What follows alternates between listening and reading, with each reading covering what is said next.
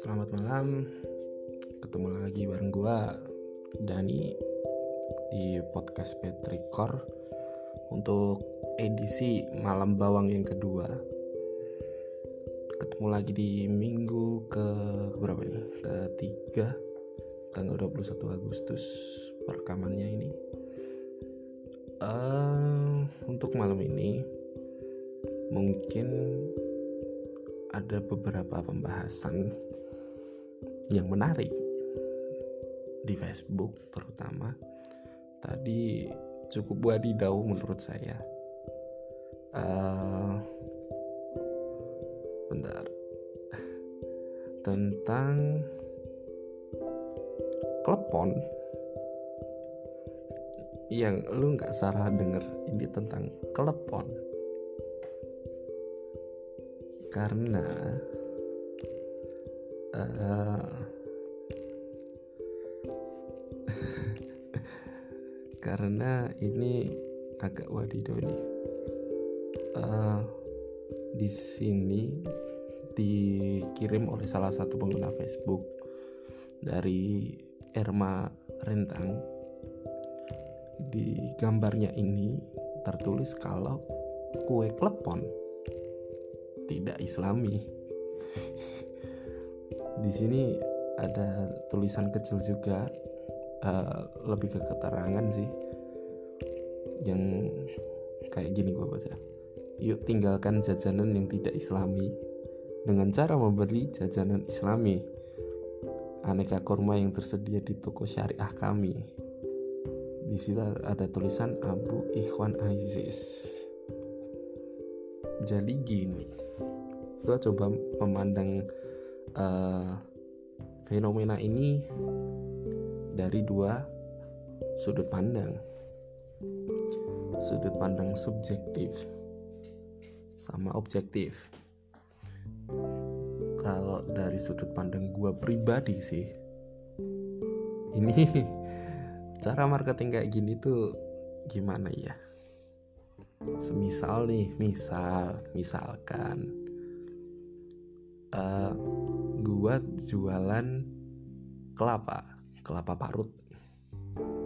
Nah setelah itu uh, karena gua pe, apa pe, penjual kelapa parut di pasar gua bikin postingan uh, bahwasannya kalau santan yang diproduksi di pabrik yang instan mengandung racun. Mungkin seperti gambaran bodohnya tuh kayak kayak gitulah. Uh, jadi ya menurut gua ini mohon maaf ini gua podcast juga di kamar gua nggak ada nggak ada peralatan podcast yang sebenarnya digunakan oleh podcaster yang lain. Gue cuma pakai HP doang jadi mohon maaf kalau ada suara-suara yang mengganggu di luar podcast kita. Oke kembali ke topik pembahasan. Jadi ini nggak fair men. Ini nggak fair. Maksud gue lu lu punya produk dan lu itu uh, apa namanya uh, mempromosikannya dengan cara mematikan pasaran yang lain. jadi menurut gue nggak fair ini. Jadi lebih kayak misalkan lu pengen jadi raja, lu bunuh saudara-saudara lu sendiri. Jadi lu nggak introspeksi, introspeksi. Oh gue kalau pengen jadi raja, gue harus lebih bijaksana.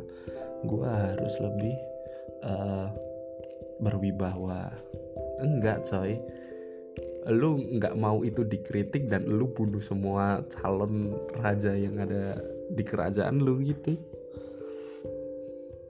dan menurut gue gimana ya kalau kalau dibilang klepon itu jaja, bukan jajanan islami sih. Uh, timbul pertanyaan di kepala gue yang pertama kali terlintas emang klepon punya agama ya? Aduh. Wah atau jangan-jangan klepon agnostik jadi atau eh sini. Waduh karena dia nggak punya agama. Atau mungkin uh, kalau klepon bisa ngomong ini ya. Gue yakin itu klepon pasti pasti bilang syahadat dulu deh. Biar dia tetap diakuin sebagai jajanan Islam. Anjing anjing ya nggak gini coy caranya coy. Uh, lagi pula jajanan Islam itu jajanan yang kayak gimana yang namanya makanan setahu gua uh, makanan itu ya mubah. Jadi ya nggak ada dasar agamanya. Kurma pun gini gini gini gini gini. Kita kita fokus ke produk dia ya. Produk dia itu kan kurma. Sekarang bagaimana kalau ceritanya kita balik? Jadi uh, di Cina itu pasti ada gurun juga kan? Mungkin iklimnya mirip-mirip dengan Arab mungkin setahu gua ya setahu gua jadi mungkin juga dengan iklim yang sama tadi, lu bisa nanam pohon kurma di Cina. Jadi, apakah ini pantas juga disebut sebagai jajanan Islami? Logikanya gitu kalau gua sih. Jadi ya menurut gua sih nggak masuk akal coy. Ini, waduh, gua gak suka jujur dari mana ceritanya klepon itu punya punya agama coy? Nggak ada cari ceritanya itu. Lagi pula kalau kita uh, flashback lagi ke belakang itu ya kalau gue gua akui gue gua goblok sebenarnya enggak gue cuman warga STM maksudnya uh, lulusan STM yang nggak mempelajari itu lebih dalam lagi. Cuman sepengetahuan gue mungkin kalau ada koreksi bisa uh, langsung ke gue atau follow Instagram gue atau Facebook gue DM gue jelasin di mana gue yang salah. Gue nggak menutup kritik.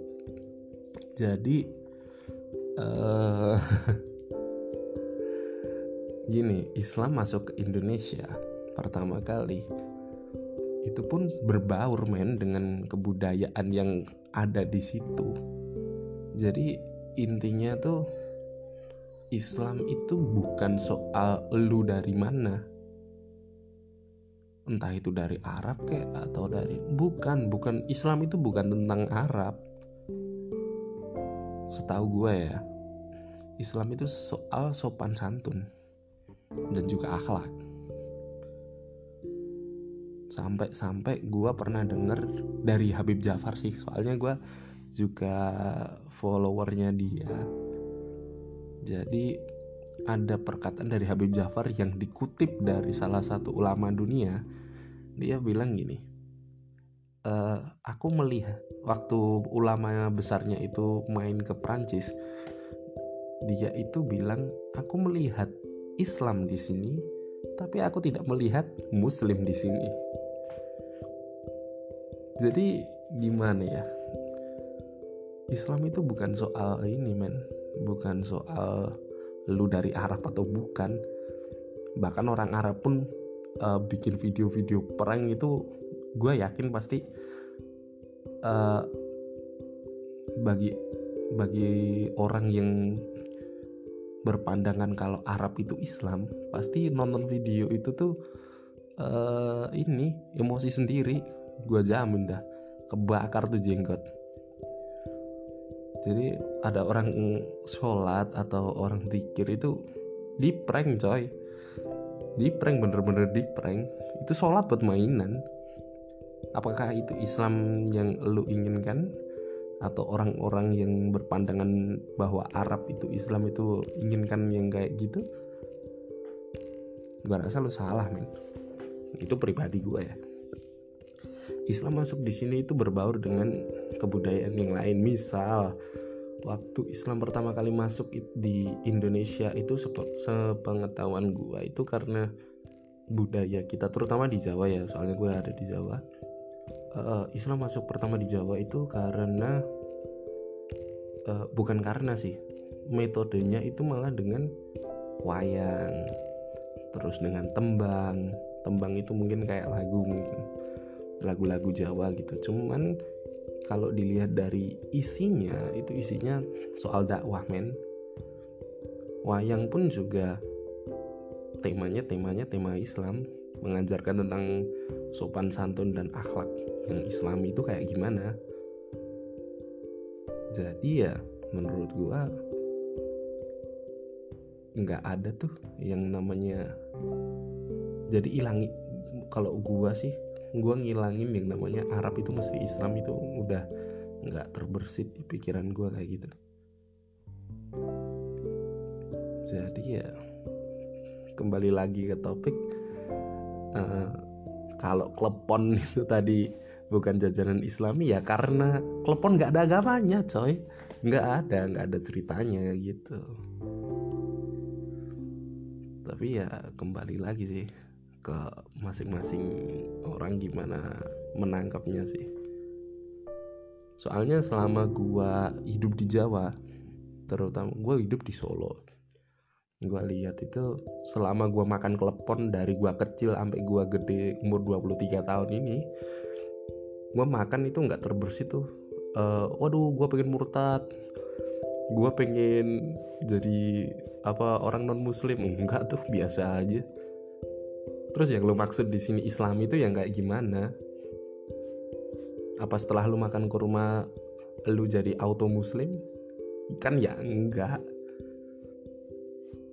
Gitu loh. Jadi kalau soal makanan nih makanan itu ya mubah. Jadi mau itu ada atau enggak ya enggak berpengaruh besar sih. Cuman mungkin sebagai simbolik oke okay sih. Secara simbolik mungkin oke-oke aja tapi bukan berarti itu uh, bukan berarti itu sebagai patokan. Kalau kurma itu melambangkan Islam gitu enggak men. Itu lebih me menggambarkan Arab bukan Islam. Kalau lu mau tahu gimana Islam ya soal sopan santun. Soalnya dalam Al-Quran sendiri itu mungkin udah beberapa dari kalian ada yang tahu juga. 90% dari dari isi Al-Qur'an itu soal sopan santun. 10% nya itu baru soal hukum. Islam pun turun pertama di di muka bumi ya. Itu uh, so uh, dari malaikat Jibril apa diutus sama Allah Subhanahu wa taala itu diturunkan ke Rasulullah itu Rasulullah pun waktu dakwah pertama kali Islam itu enggak terang-terangan kayak lu tadi fitnah orang seenaknya seenak jidat tadi enggak. Biji mata lu. Enggak enggak kayak gitu. Dia dakwah ya dengan sopan santunnya. Dengan dia berkelakuan baik dengan dia sopan santunnya baik. Sampai orang-orang kafir pun bingung. Sampai orang-orang kafir pun juga uh, tertariknya itu bukan karena bukan karena dia percaya kalau itu agamanya bener itu enggak. Lebih kosopan santunnya dulu baru dia sadar kalau agama Islam itu bener-bener agama yang uh, mengajarkan mengedepankan sopan santun dan juga akhlak. Menurut gue gitu sih. So buat kalian yang uh, menganggap berita itu tuh sesuatu yang uh, positif maksudnya positif itu menganggapnya kalau bahwasanya berita itu benar bahwasanya klepon itu uh, agak apa jajanan kurang islami lu mending uh, ke pasar lu beli apa? Beli itu klepon. Apa satu kota kecil itu paling berapa? Gopek paling. Terus lu makan dan lihat reaksinya. Apakah lu jadi auto murtad? Atau lu jadi kepingin uh, memerangi kita orang-orang muslim gua kira enggak deh. Anjir anjir. Ini cuman gara-gara agama sampai lo pengen ngilangin kebudayaan sendiri itu goblok menurut gua. Ciri khas kita apa gitu? Yang membedakan kita dengan Arab apa? Bahkan orang Arab sendiri pun enggak sebegitunya tuh menurut gua fair-fair aja. Aduh orang-orang ini ya ampun Facebook Facebook.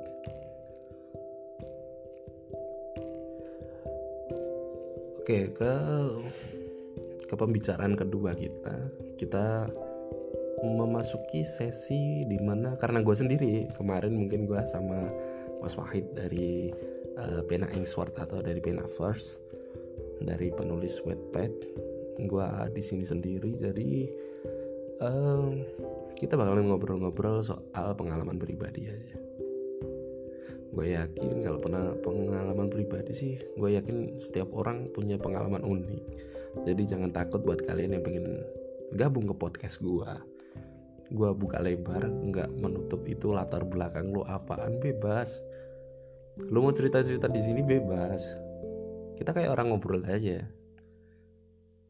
Jadi ya uh, karena gue sendiri di sini dan belum ada yang menemani mungkin gue akan cerita sendiri cerita tentang pengalaman gue sendiri yang mungkin bisa jadi pembelajaran buat lo semua dan satu kisah menarik juga sih. Jadi gini gua dulu pernah kerja di Cikarang kurang lebih selama ya hampir satu tahun di sana. Gue sebagai orang soalnya gini jadi di keluarga gue keluarga kecil gue itu karena gue anak paling tua itu belum ada orang di keluarga kecil gue itu yang pernah ninggalin rumah buat merantau. Belum ada dan gue yang pertama gitu. Dan gue nggak tahu orang ngerantau itu kayak gimana rasanya nggak tahu. Gue cuman ke sana ya karena gue udah dapat pekerjaan di sono ya gue berangkat udah gitu aja. Ternyata banyak hal yang berbeda dari Solo Solo dari Jawa Tengah sama di Cikarang beda banget coy. Di sana apa apa mahal mau ke toilet aja bayar coy. Waduh. Gue sampai sana pertama karena gue dulu nggak bawa motor motor gue tinggal di di Cikarang ya. Eh motor gue tinggal di Solo. Jadi ya ke mana-mana gue bareng temen gue gue kebetulan ada kenalan gitu. Bukan temen kantor ya.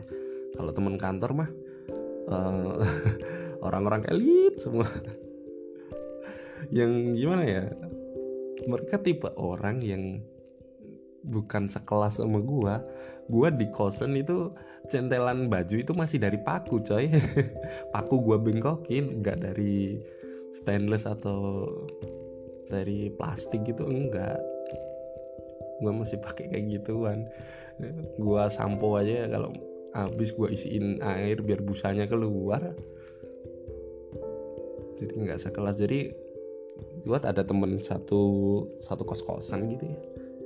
Orang Cilacap sama orang eh iya orang Cilacap sama orang Kebumen. Dua orang jadi dia.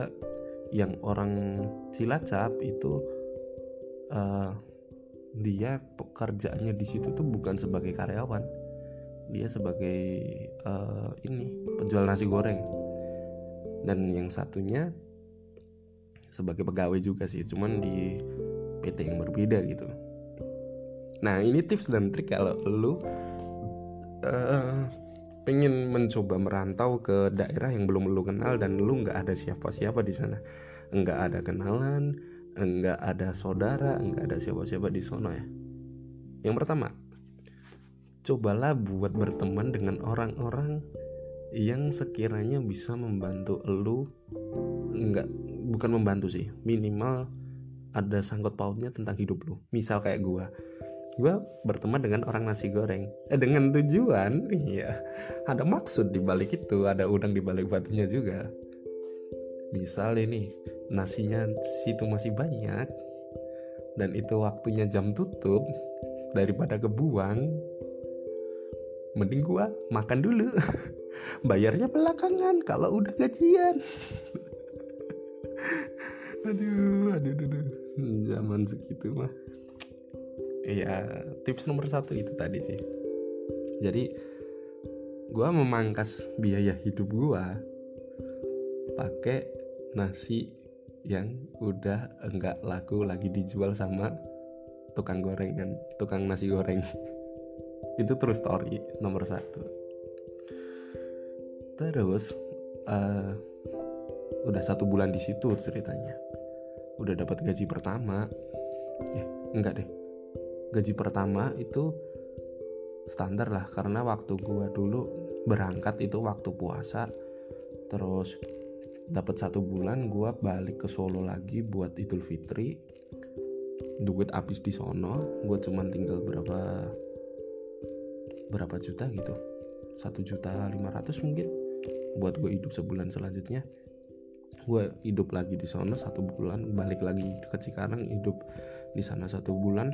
Bulan keduanya nah ini mulai uh, ternyata hidup di ibu kota atau minimal di Jabodetabek itu hingar bingarnya itu waduh. Kalau lu salah pilih temen ya kayak gitu kayak gini ceritanya. Jadi karena gue belum bawa motor uh, teman-teman gue yang biasa ngajak gue main keluar gitu pasti gini ada rasa lu yang di sono nggak nggak punya motor itu pengen sesekali itu uh, apalagi lu pertama kali di sekarang itu pengen rasanya jalan-jalan di sono pengen tahu tempat-tempat sono itu kayak gimana aja. Pasti gue yakin dalam hati kayak gitu sih. Uh, waktu gua main sama teman-teman dan teman-teman gua ini ternyata ngajak ke salah satu tempat yang cukup wadidaw jadi teman-teman gua itu ngajakin karena juga baru gajian sih teman-teman gua ngajak ke Kalimalang. Dan gua nggak tahu itu tempat apaan waktu itu. Uh, jadi dia bilangnya gini eh dan uh, mau main nggak? Gue bilang main ke mana coy main ke Kalimalang yuk. Tapi ntar agak maleman. Jam-jam satu karena itu posisi malam minggu dan gue besok juga libur ya gue rasa oke oke aja gitu kan. Apalagi habis gajian kan. Ya udah gas aja gue gitu. Setelah nggak berapa lama ya karena gue di sono nggak pernah pegang motor dan kangen rasanya pengen pegang motor yang gue bilang sama temen gue kalau yang di depan gue aja gitu deh gue jadi sopir intinya di sana. Nah waktu ketemu sama yang ketemu uh, ke tempat kali Malangnya itu di sana emang kayak kali biasa kali apa sih sungai. Ketemu sungai kayak gitu. Gua rasa ya biasa aja tuh nggak ada apa-apa di sana. Setelah beberapa kilometer gua jalan baru udah kelihatan. Kayak ada perkampungan kumuh nggak kumuh ya bisa dibilang kumuh sih. Gue nyebrang ke sana gue lihat-lihat ternyata di sana itu tempat pijat plus plus anjir.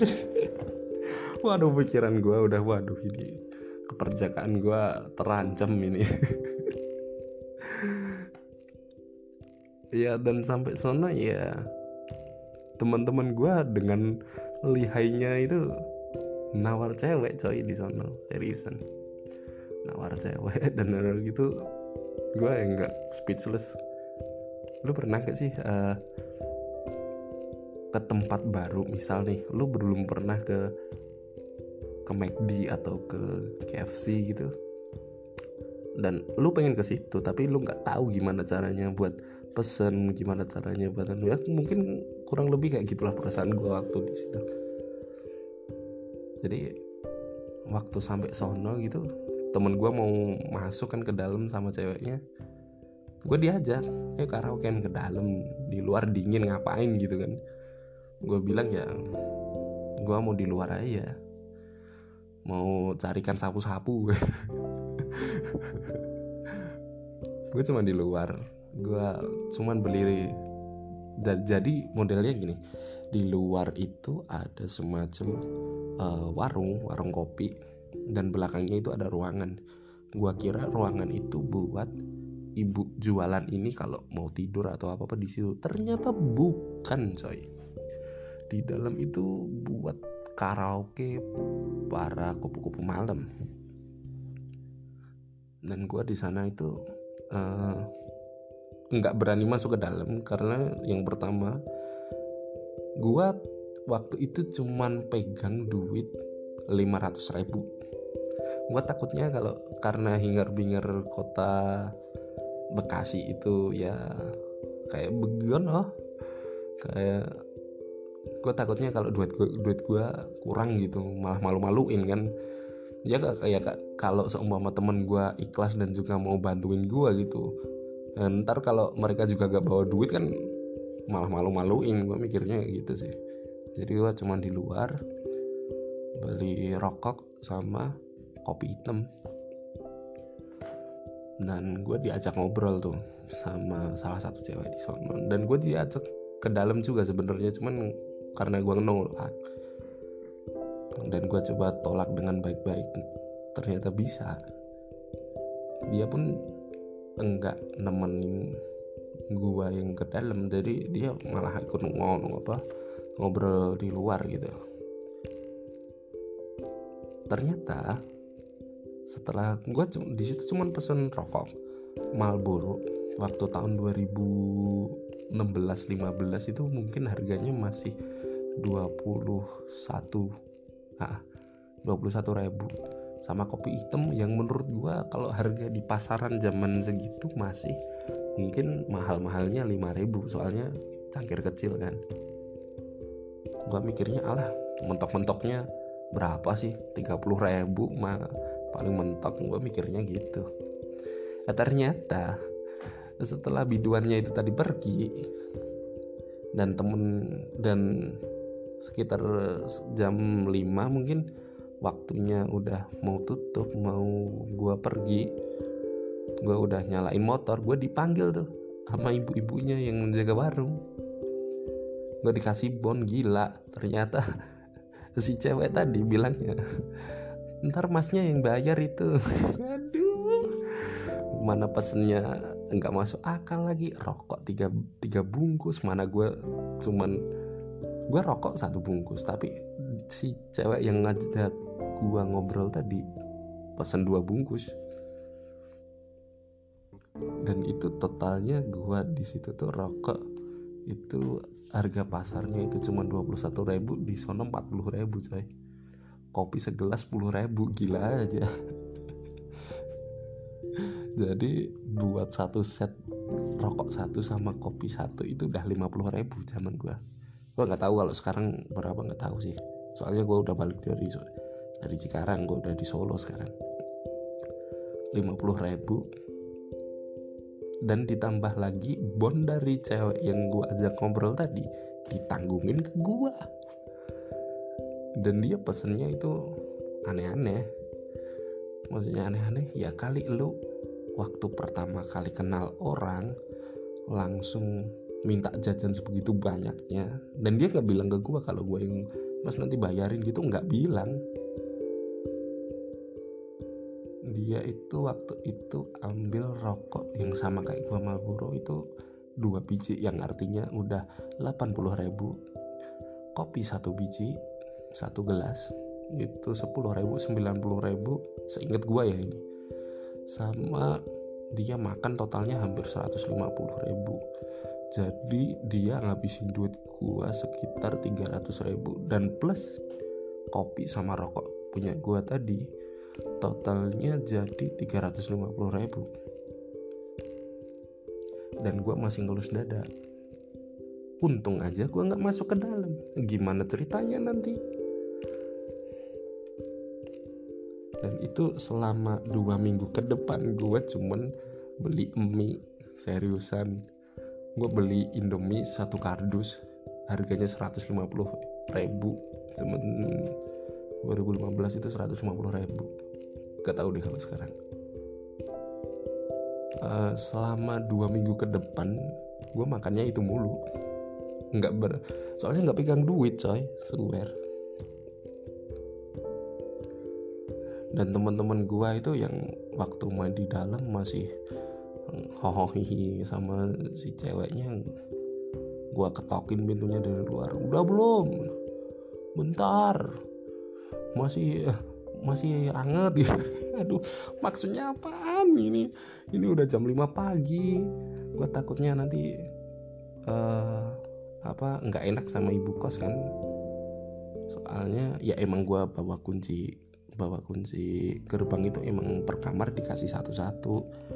Cuman ya nggak enak aja. Masa main dari malam pulang-pulang jam segitu kan. Takutnya berisik atau dikira gue aneh-aneh kan. Masih menjaga uh, image gue di situ biar nggak ini. Dan gue pulang dari sana jam 6 jam 6 pagi. Dan gue digoblok-goblokin sama teman-teman gue katain cupu dan itu dan yang lain-lain gitulah. Dan tiba-tiba setelah uh, akhir bulan duit mereka juga habis minta minta ke gue gitu minta utang ke gue zaman segitu itu pinjem duit gue 500 ribu. Jadi 500 ribu plus 300 ribu. Pertama itu minjemnya cuma 500 doang. Jadi 500 ribu itu katanya buat hidup. Gue sih oke oke aja. Dan setelah gue nggak tahu gimana ceritanya sih. Gue juga nggak mau seuzon sama dia uh, setelah 500 ribu hari terakhir sebelum gue gajian dia pinjam lagi tuh 300 ribu katanya buat dia pulang ke Cilacap nggak punya duit gitu. Cuman buat bayar tiket kereta gitu. Nggak gue pinjemin. Dan setelah itu eh dia nggak balik lagi ke Cikarang anjir, anjir. 800 ribu punya gue hilang coy. Nggak balik. Sumpah dan ya banyak sih pengalaman lucu di Cikarang. Sampai-sampai kadang-kadang masih gimana ya terngiang-ngiang gitu.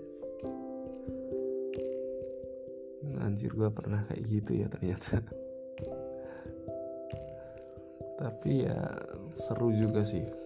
Maksudnya itu pengalaman baru banget gue yang belum pernah ke Jakarta gue pernah ke Jakarta tapi kan cuman SMP study tour ya lu tahu sendiri lah study tour nggak ada menarik menariknya nggak lu itu harus dituntut hidup di situ. Kan enggak lu udah disediain dari sekolahan lu buat makan buat tidur buat jalan-jalan. Itu kan udah disediain dari sekolahan. Tapi kalau lo uh, kerja di situ kan otomatis lo ngebawa hidup lo sendiri bermasyarakat di situ. Dan ya kayak gitulah. Mungkin nggak cuma di Jakarta mungkin di teman-teman lo juga. Mungkin satu dua juga kayak gitu. Jadi mungkin bisa diambil positifnya aja.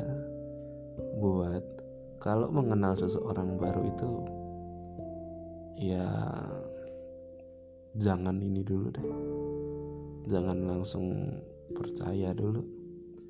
Ya berteman boleh cuman ya kalau lu menilainya itu udah ke tahap lu diman dimanipulasi ya bisa-bisa lu gini aja jaga jarak sih.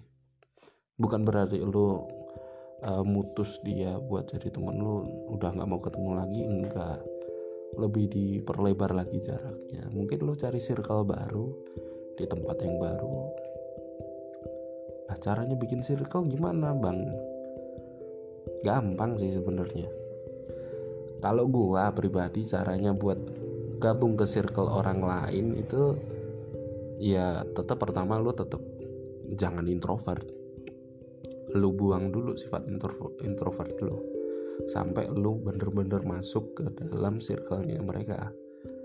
Jadi kalau gue kalau circle yang uh, katakanlah di dunia nyata yang pertama itu buat masuknya gue kenalin dulu uh, dia itu tempat tongkrongannya di mana.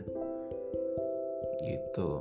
Jadi gue dulu pengen masuk ke salah satu komunitas uh, ini motor di Cikarang. Karena motor gue udah dikirim dari Solo ke Cikarang dan gue udah bawa motor. Gue pengen ngumpul-ngumpul gue pengen pengen punya temen yang lain juga kan pengen memperluas uh, memperluas circle gue jadi gue main ke tongkrongan itu kayak tempat angkringan gitu doang. Di situ gue cuma modal kopi satu biji. Udah satu gelas kecil. Dan waktu ada anak-anak yang ngumpul gitu gue keluarin rokok tuh. Ya kalau perokok mungkin bisa ngakalin cuman kalau kalian yang nggak ngerokok mungkin bisa pakai hal lain mungkin. Tapi kalau gue sih gini uh, karena gue perokok ya uh, eh, gue keluarin rokok tapi gue pura-pura goblok enggak bawa korek. Nah mulailah gue pinjem korek dari salah satu anak komunitas itu. Dan dari korek itu tadi mulailah perbincangan kita uh, kita berdua dari, jadi dari gue sama salah satu orang komunitas itu mulai ngobrol banyak lah. Mulai dari tempat kerjanya di mana terus uh, apa di sini tujuannya mau ngapain kok seragam kalian sama ada komunitas apaan. Dan ya mulai mulai masuk ke dalam circle-nya mereka. Setelah satu minggu mungkin. Setelah satu minggu gue bisa masuk ke circle-nya mereka. Itu kalau tips dan trik gue nomor dua kalau lu pengen cari temen yang lu target. Itu caranya kayak gitu sih.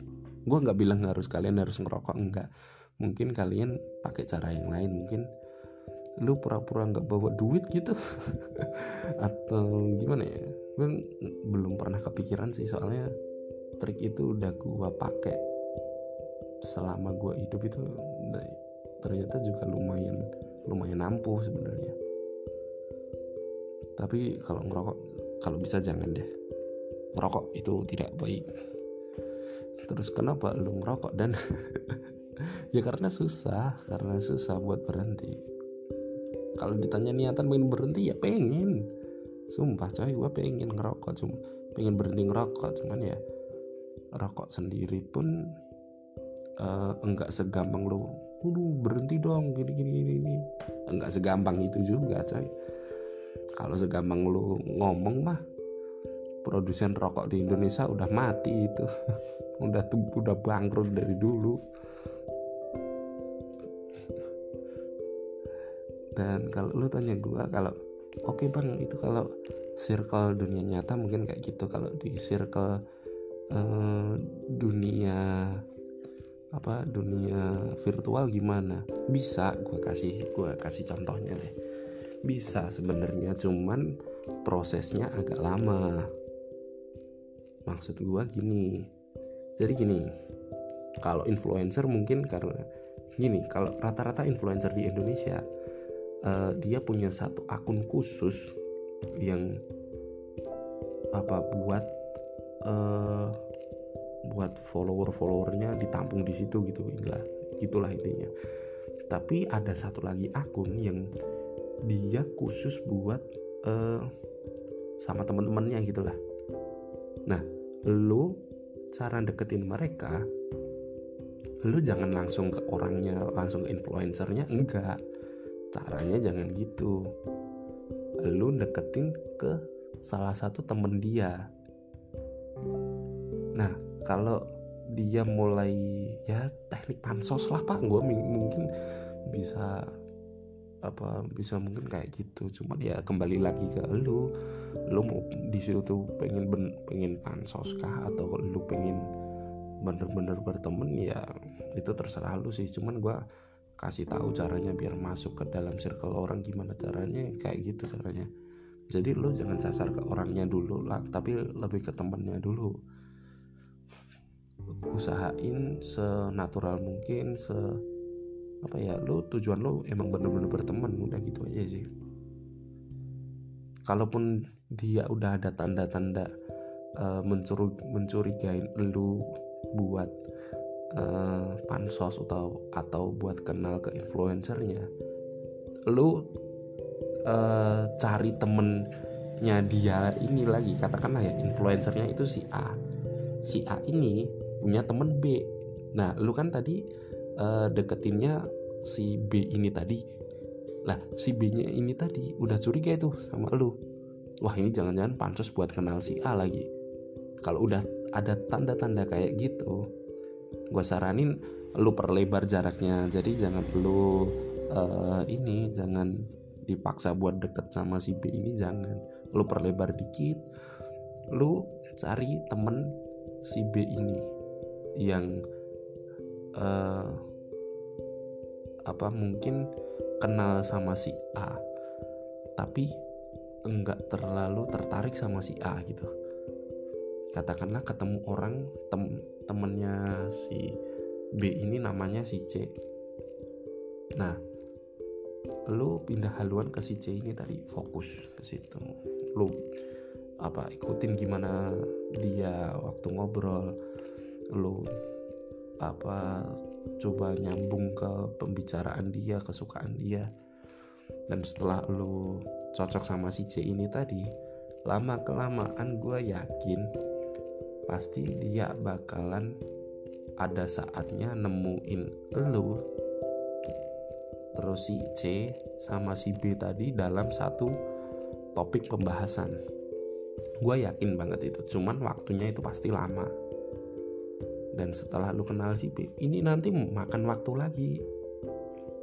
Makan waktu lagi buat kenal si A si influencer atau orang yang kau idam-idamkan gitulah mungkin kalau influencer mungkin lama tapi mungkin kalau cewek mah gampang. Mungkin ya mungkin tapi yang nggak ada yang tahu juga sih. Cuman tips dan triknya mungkin kayak gitu oke waktu sudah menunjukkan jam 10 malam. Mungkin untuk podcast gua edisi kali ini sampai di sini dulu. Nanti buat para pendengar teman-teman yang mau join ke podcast gue bisa buat share pengalaman yang menarik atau jarang ditemuin sama orang-orang lain. Bisa di share di sini. Bebas gue nggak gue nggak mematok lu tuh punya subscriber berapa follower berapa enggak. Lu tukang becak di pinggir jalan atau lu cuman deadwood pengangguran need wibu sim apalah itu sebutannya bebas. Terserah lu nggak apa-apa. Apa mau join silakan ke Facebook gua ada.